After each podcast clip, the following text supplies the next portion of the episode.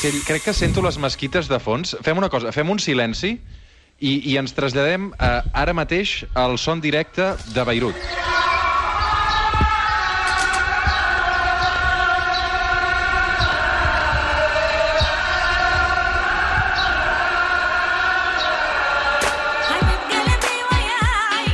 Aquest era un dels moments més especials que vam viure durant el confinament d'ara fa un any. Vam connectar amb la corresponsal de Catalunya Ràdio Beirut, la Txell Feixes, just en el moment en què feien una crida a l'oració des del minaret d'una mesquita. Un so ambient que ens trasllada al Pròxim Orient, que també ens hi porta el sol fet de parlar d'un home, el periodista Tomàs Alcoberro. Fa mig segle, mig segle, que es diu Ràpid, que explica què passa en aquest racó de món i ara publica Tot està per dir, un llibre que no parla només de la religió, sinó també de la seva vida i de tota la seva supertrajectòria. Els meus respectes. Tomàs Alcoberro, bon dia i bona hora. Escolta, els meus honors. Em fa molta il·lusió perquè no havíem coincidit mai, No. i menys cara a cara. No. Um, perquè és molt difícil, perquè passes molt... Bueno, hi, ha, hi ha també una generació, però més una generació de diferència, mestre. Una, una, sí, alguna, alguna. Uh, però ara ets a Barcelona. Sí. Um, Que és la meva ciutat. Que és la teva ciutat. Però, sí, segur que és la teva ciutat. Evident. Evident. No estàs una mica més a Jo, jo tinc dues ciutats, una ciutat que és la meva que, i l'altra que, que me l'ha creat una mica amb la meva vida. Mm. Però està clar. Què et transporta quan sents sons uh, com, el que, com el que connectàvem amb, amb la Txell Feixes? Bé, em transporta a un món que, per una banda, és un món molt atractiu, perquè és un món, si tu vols, fins i tot una mica pintoresc, encara que Beirut no té res de pintoresc, és a dir, a Beirut no, no hi ha socos ni, ni totes aquestes coses, ni, ni, ni desert, i encara hi ha gent que creu que confonen el Líban amb Líbia. Mm. Eh, I, sobretot, clar, una part molt important de la meva vida, que, com tu has dit, eh, bueno, jo també vaig estar a París i a Atenes, però vull dir, realment és una vida, amb moltes eh, satisfaccions, també, i amb molta por a vegades, però també amb molta vocació. Tot està per dir és el resum d'una vida trepidant. Uh, és una entrevista que, que li fa al seu cap, al Plàcid García Planes, el Sí. cap internacional de La Vanguardia, és una conversa, um, i um, que jo m'estava llegint i després he entès, no? he entès aquesta foto de, de la portada, on s'hi veu un joveníssim Tomàs Alcoberro, que si fa no fa devia seguir tenir més o menys la meva edat, uns 30 anys, no? Sí, una, una, mica més. Amb la diferència que entre mans hi tens un autèntic Kalashnikov. Aleshores, jo dic, bueno... Um, Hi ha, hi ha gent que se... Que, se... què fa un pacifista com el Hi ha- Tomàs sí, sí, Alcoberro Hi ha, hi ha, un- gent que s'ha estrellat una mica amb això. amb, amb un Kalashnikov. Aleshores, a, al llibre de seguida expliques el significat d'aquesta fotografia. Te la vas fer durant la Guerra Civil libanesa i la foto, a mi el que més m'ha interessat, és que t'ha servit per protegir-te durant molt temps, no? A veure, explica'm eh, això. Bé, abans que tot vull dir una cosa molt important, que és que, que aquest llibre que ha sortit força bé, i l'he fet també molt, molt gràcies a, a la magnífica vocació i entrega del gran amic i gran periodista Plàcid García Planes. Bé, eh, aviam, jo tinc moltes coses encara que dir. És a dir, que a lo millor podré fer més coses, no? Però, aviam, eh, per mi aquesta fotografia és, em permet fer una mica allò del Prus, de la Ma Madalena del Prus, em permet començar a recordar una sèrie de d'anys i de peripècies i d'emocions i també de frustracions que jo he viscut. Eh, en aquest aspecte mm, és un llibre que no pretén masses coses, però sí que pretén una mica arribar eh, al cor de, dels lectors. Explica'm la història del Kalashnikov i per què et servia per protegir-te, Bé, Tomàs. tu insisteixes. Bé, això és una, és una pura fotografia. Uh -huh. uh, vull dir, el Klashnikov me'l va... Uh, jo no el tenia, és dir, que uh, va ser un amic meu que en aquell moment uh, era milicià i, uh, i anava vestit de, de guerriller i un dia va venir a casa meva a veure'm i portava ell aquesta, el Klashnikov i me'l va deixar per fer-me aquesta foto. Eh, més que aquesta foto, um, més que aquesta foto eren altres fotos sense, sense arma que em permetien passar d'una banda i de l'altra la ciutat. És dir, la ciutat estava dividida, va estar dividida durant 15 anys, i pràcticament era una mica difícil eh, passar d'un cantó a un altre perquè hi havia moltes milícies. I sí que era important tenir en un determinat una fotografia que et servia una mica de, de passepartout com d'identificació per una milícia. En aquest, en aquest cas, mm, en aquell moment es pensava que aquesta arma era l'arma dels palestins i, per tant, ens servia sobretot quan passava per controls palestins. Mm. Uh, una de les parts també que, que més m'ha impressionat d'aquest llibre és quan parla sobre la por, no? Um, que sí. realment vas descobrir què era la por de veritat quan, quan uns milicians van entrar al teu bloc de pisos i no sabies si venien a per tu sí. o pels teus veïns, que va ser el cas, no? Sí. Escolta, la por és una mica com la fe, saps? És dir, que hi ha gent que té por, hi ha gent que té fe, hi ha gent que no té fe, hi ha gent que no té por. Jo crec que és un tema tan enormement eh, intern que és molt difícil d'explicar-lo. El que sí que tinc que dir és que en un moment determinat, jo, quan vaig estar a la guerra de l'Iraq anys després, eh, quan el, el, els Estats Units va, va atacar per segona vegada l'Iraq el 2003, mm, els periodistes que estàvem allà, hi havia gent que tenia molta por. I una cosa que vaig fer va ser intentar allunyar-me una mica d'aquesta gent perquè no, me la, perquè no me la contagiessin. I una de les coses que vaig fer va ser, com estàvem en un hotel i estàvem molt, molt temps allà, eh, vaig, vaig intentar fer de l'habitació de l'hotel com una casa, saps? I vaig comprar petites coses que em donaven l'impressió d'estar a casa meva i sí que anava molt al tanto amb, amb que em contagiessin de la por. Mm. Què et sembla? Em sembla molt bé. A tu no t'han segrestat mai? No. Però molts companys teus sí. Sí. I hi ha una cosa que m'interessa molt, eh, i és que, evidentment, eh, a vegades aquests companys que eren segrestats, no?, s'arriscaven massa i, i expliques, no?, que a vegades un segrest també és producte d'una barreja d'ego i de necessitat, no? Per, perquè, a veure, explica'm això perquè és molt delicat. Eh, eh, perquè és molt delicat, jo preferiria no, no entrar més en, en, uh, bueno, en no, no entrar més, però ho expliques al llibre. Sí, és molt delicat perquè, clar, aviam, eh, el periodista... Hi, hi ha una cosa que a mi, a vegades, del nostre gremi, eh, no m'agrada, no? És dir, per exemple, quan hi ha aquella espècie de bonomisme, per exemple, una frase que es va posar molt de moda, que durant temps es deia que per ser bon periodista es tenia que ser bona persona. Eh, el Kapuscinski ho va dir, que hi va haver un temps que se'l citava molt. A mi, no sé què tu penses, però jo no, no, no, no li veig cap relació, que té que veure ser bona persona amb ser bon periodista. Però jo crec que el periodista és, és eh, com tothom. Però ja que em preguntes això, i, i per, perquè, no, perquè vegis que no fujo del tema, et diré que eh, també a Bagdad eh, hi havia un grup de periodistes que en aquell moment, 2003, a Espanya havien començat les, eh, les televisions autonòmiques, eh, nous diaris, etc. Vull dir que, que, que hi havia molta gent, no? Hi havia molts corresponsals, molts enviats especials.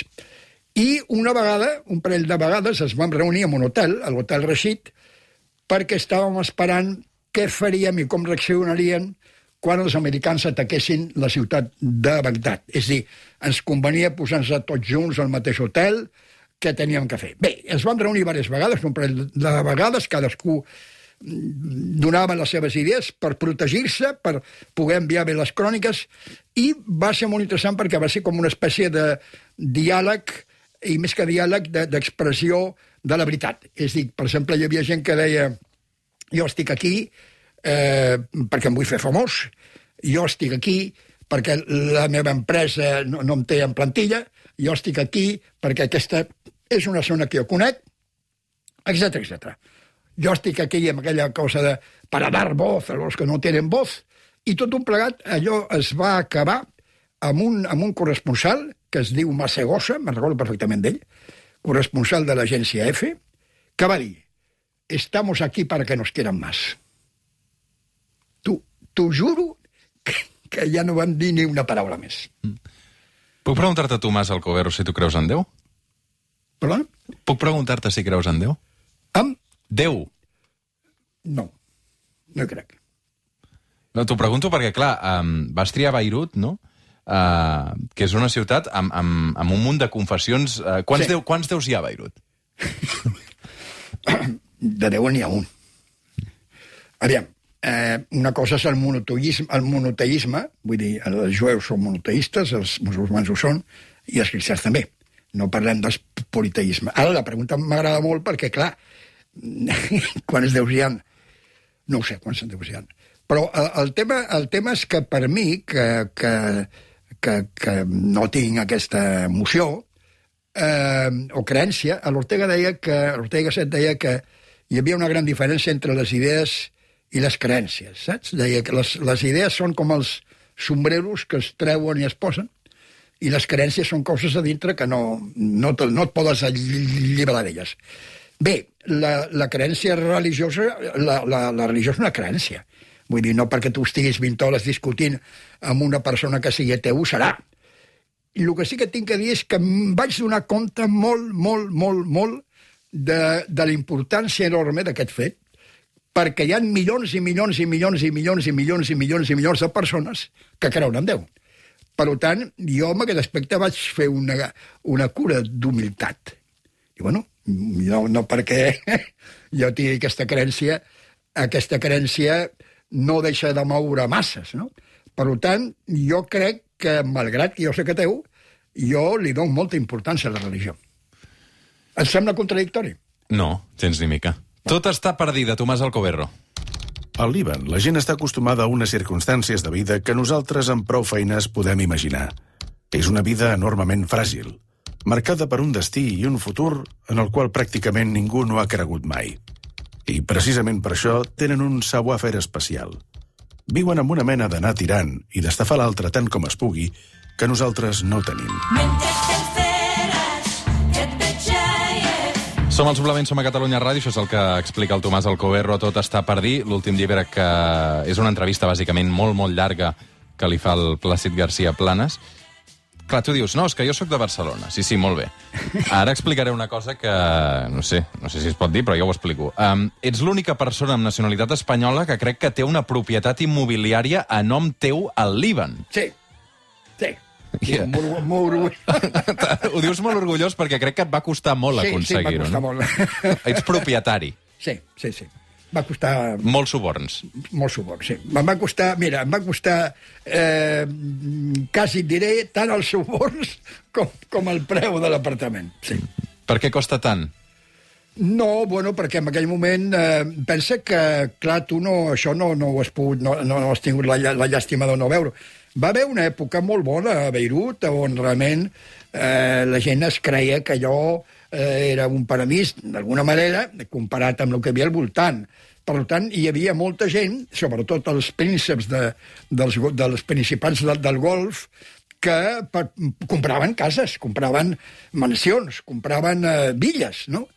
I hi havia un, una, una, gran, una gran atracció per, per Beirut, no? Per la, la vida més, més lliure, més, més divertida, i, per tant, hi va haver un, un fenomen de, de molts estrangers, sobretot de, de, dels països del Golf, que compraven. I, evidentment, l'Estat va posar, és lògic, no? va apostar, bueno, aviam, aviam si tots s'ho quedaran els estrangers, no? Van, van, van, van posar una, unes, una llei amb una sèrie de, de, de condicions que eh, feien eh, més difícil a l'accés a la propietat. Simplement això. És veritat que tens una matrícula d'un cotxe de Saddam Hussein? Qui t'ho ha dit, això? És igual, qui m'ho ha dit? Sí. La tenia, que l'acabo de, regalar, de regalar amb en Plàcid García has, li has regalat el Plàcid? Sí.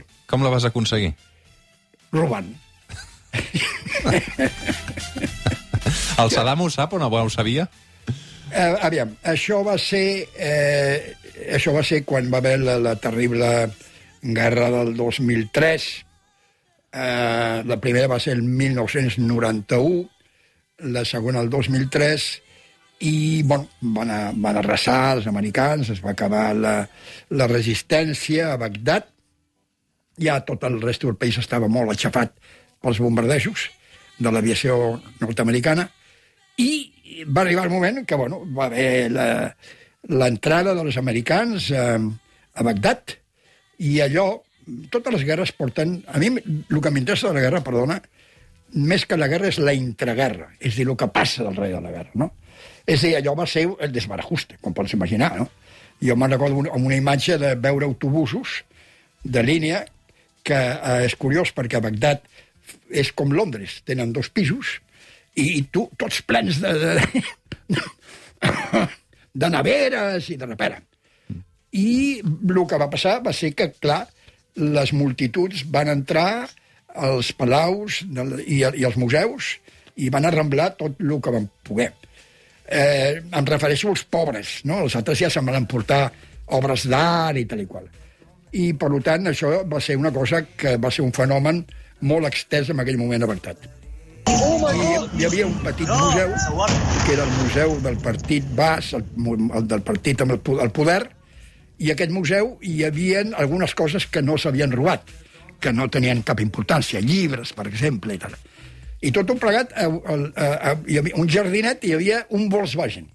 El Volkswagen era un cotxe, en fi, que era molt, molt popular en aquella època, i aquest Volkswagen el tenien allà, al Museu del Bas, perquè era l'automòbil que va emplear el Saddam Hussein, quan encara no era Saddam Hussein, quan començava la, seva carrera, i amb, un, amb un atemptat contra un dictador que va fracassar, però que va donar, el, el, com, com, com diria, va donar la primera imatge de que el Saddam Hussein eh, era un, un, un heroi, era un home que, que, que, que, que es llançava a fer tota classe d'actes, no? I, eh, evidentment, el Volkswagen no me'l podien portar, però sí que vaig arrencar la... Perdona, la, la matrícula. Mhm. Ningú et va veure. No. Molt bé. Uh, Tu creus que sóc eh, que he fet un gran eh, No. acte de, de robatori No, per, però, per emportar-me... eh, no tothom té els nassos de robar-li la matrícula a Saddam Hussein. Una matrícula del, del, del, del, del Volkswagen del Saddam Hussein. escolta'm, jo uh, t'asseguro que no m'atreviria. Vull dir que no ho sé. Uh, parlaves d'atemptats. Uh, deixa'm parlar també, ja que parlem de, de Beirut, d'explosions. Oh my God! No! Sawar!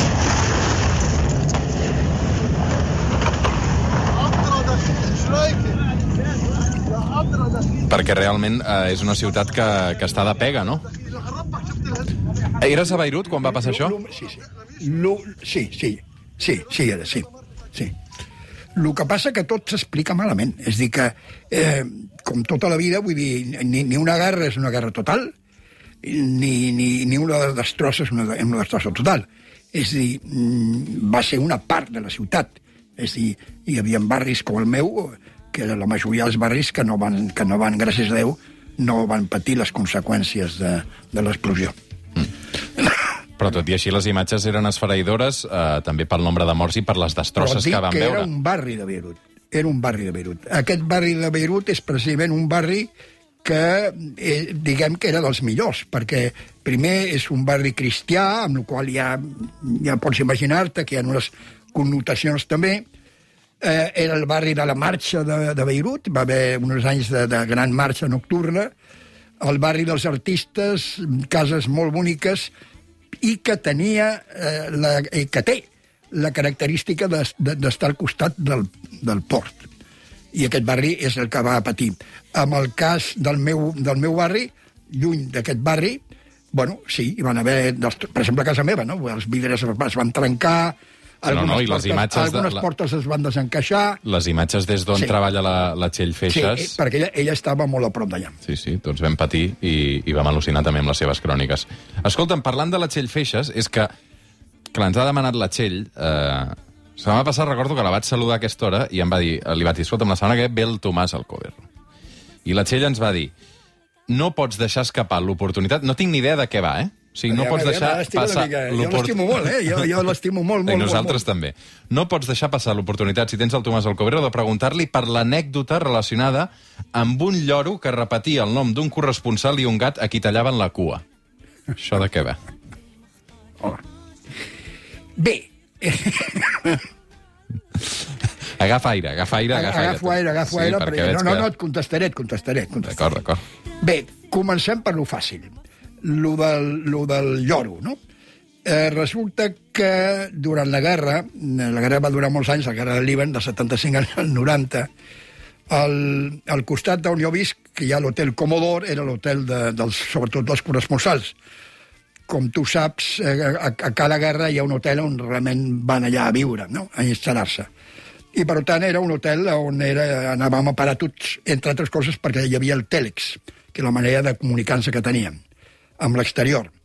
Bé, i, i una de les coses pintoresques que hi havia aquest hotel, clar, aquests hotels tenen sempre una, un aire una mica novel·lesc, no?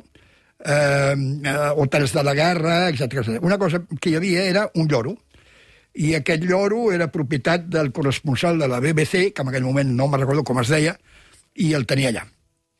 I una de les coses que feia aquell lloro és que imitava, imitava eh, el, el parlar de la gent i, i també podia... podia Feia cròniques, vaja. Eh, No, home! entonar alguna música.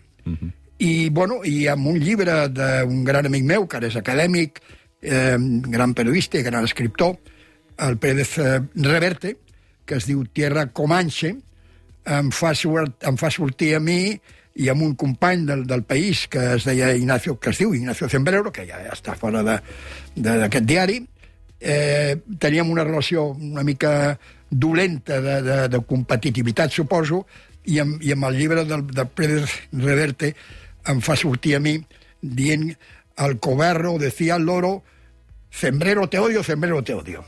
Aquesta és la primera part de la pregunta i la segona part era Un gat a qui tallaven la cua. bé, aquest El també nom és- d'un corresponsal i un gat a qui Bé, tallaven la cua. el- l'amic aquest, l'amic corresponsal, pues, eh, eh, en fi, pensàvem que feia això. Avui les batalletes de Tomàs Alcoberro, tot això també eh, explicat en Tot està per dir, eh, aquest eh, llibre que ha publicat. Um, Tomàs, clar, entenc que eh, hi va haver una època en què tothom va marxar de Beirut i tu vas decidir quedar-te, no? Sí, Per què? per convenciment. Per convenciment. Jo sempre he cregut que, malgrat tot, totes les, les estro... Evidentment, el que està passant ara, una cosa terrible, sobretot el tema econòmic, no? S'ha enfonsat completament la, la moneda libanesa i hi ha una misèria, evidentment, eh, que no, no, no es podrà parar, no? Però sempre he tingut la impressió, des del començament, jo sóc francòfon, i sempre he tingut la impressió de que era, era un anell que, que, que m'esqueia molt bé a les meves mans. Jo he estat visquent a altres ciutats, per exemple, vaig ser corresponsal a París, i, francament, París bueno, és una ciutat que és molt important, que és molt atractiva, però a mi no em commou massa, perquè jo també he viscut a París per dintre. És una cosa és anar a París com turista i una altra cosa és viure a París, no? I els francesos diuen boulot, dodo i metró. Saps el que vols dir? Treball, dormir i eh, metro, que és una mica la vida terrible que patim a les grans ciutats. Uh, Tomàs, moltes gràcies. I... Jo et tinc que dir també moltíssimes gràcies i tinc que dir una cosa que vull dir-ho. Estic molt content de com aquesta casa em rebeu. Eh, aquí tinc amics de, des de fa enorme quantitat d'anys, com el Toni Arbonès, si el, si el veus Home, i te'l saludes. Els viatgers de la Gran Anaconda. Sí. I, I fins i tot, perquè vegis, en una època determinada vaig fer una col·laboració Sí. que es deia algo així com La Torre de Babel, que enviava Sí. de tant en tant unes cròniques una mica descriptives. Amb qui? Aquí. Amb qui, amb qui, amb qui? Amb, amb, amb quin programa? No El, recordes? era el programa de, bueno, del, de, Del Toni. d'informatius. Ah, informatius, bé. Escolta'm, I, i, bueno, I a més sóc quasi veí vostre, perquè jo visc aquí al costat del carrer escolta, Balmes. no és veritat, perquè tu no vius al carrer Balmes, tu vius a Beirut. El que passa és que no em vols explicar quan hi vas i quan tornes, però... però uh, molts records a la Txell Feixes, que saps que ens l'estimem molt, uh, Sí. una fantàstica professional d'aquesta casa, Fantàstica. Que, que a més a més també és hereva de, de tot el que tu li has anat explicant. Tomàs Alcoberro, tot està per dir. Uh, moltes gràcies i molta sort.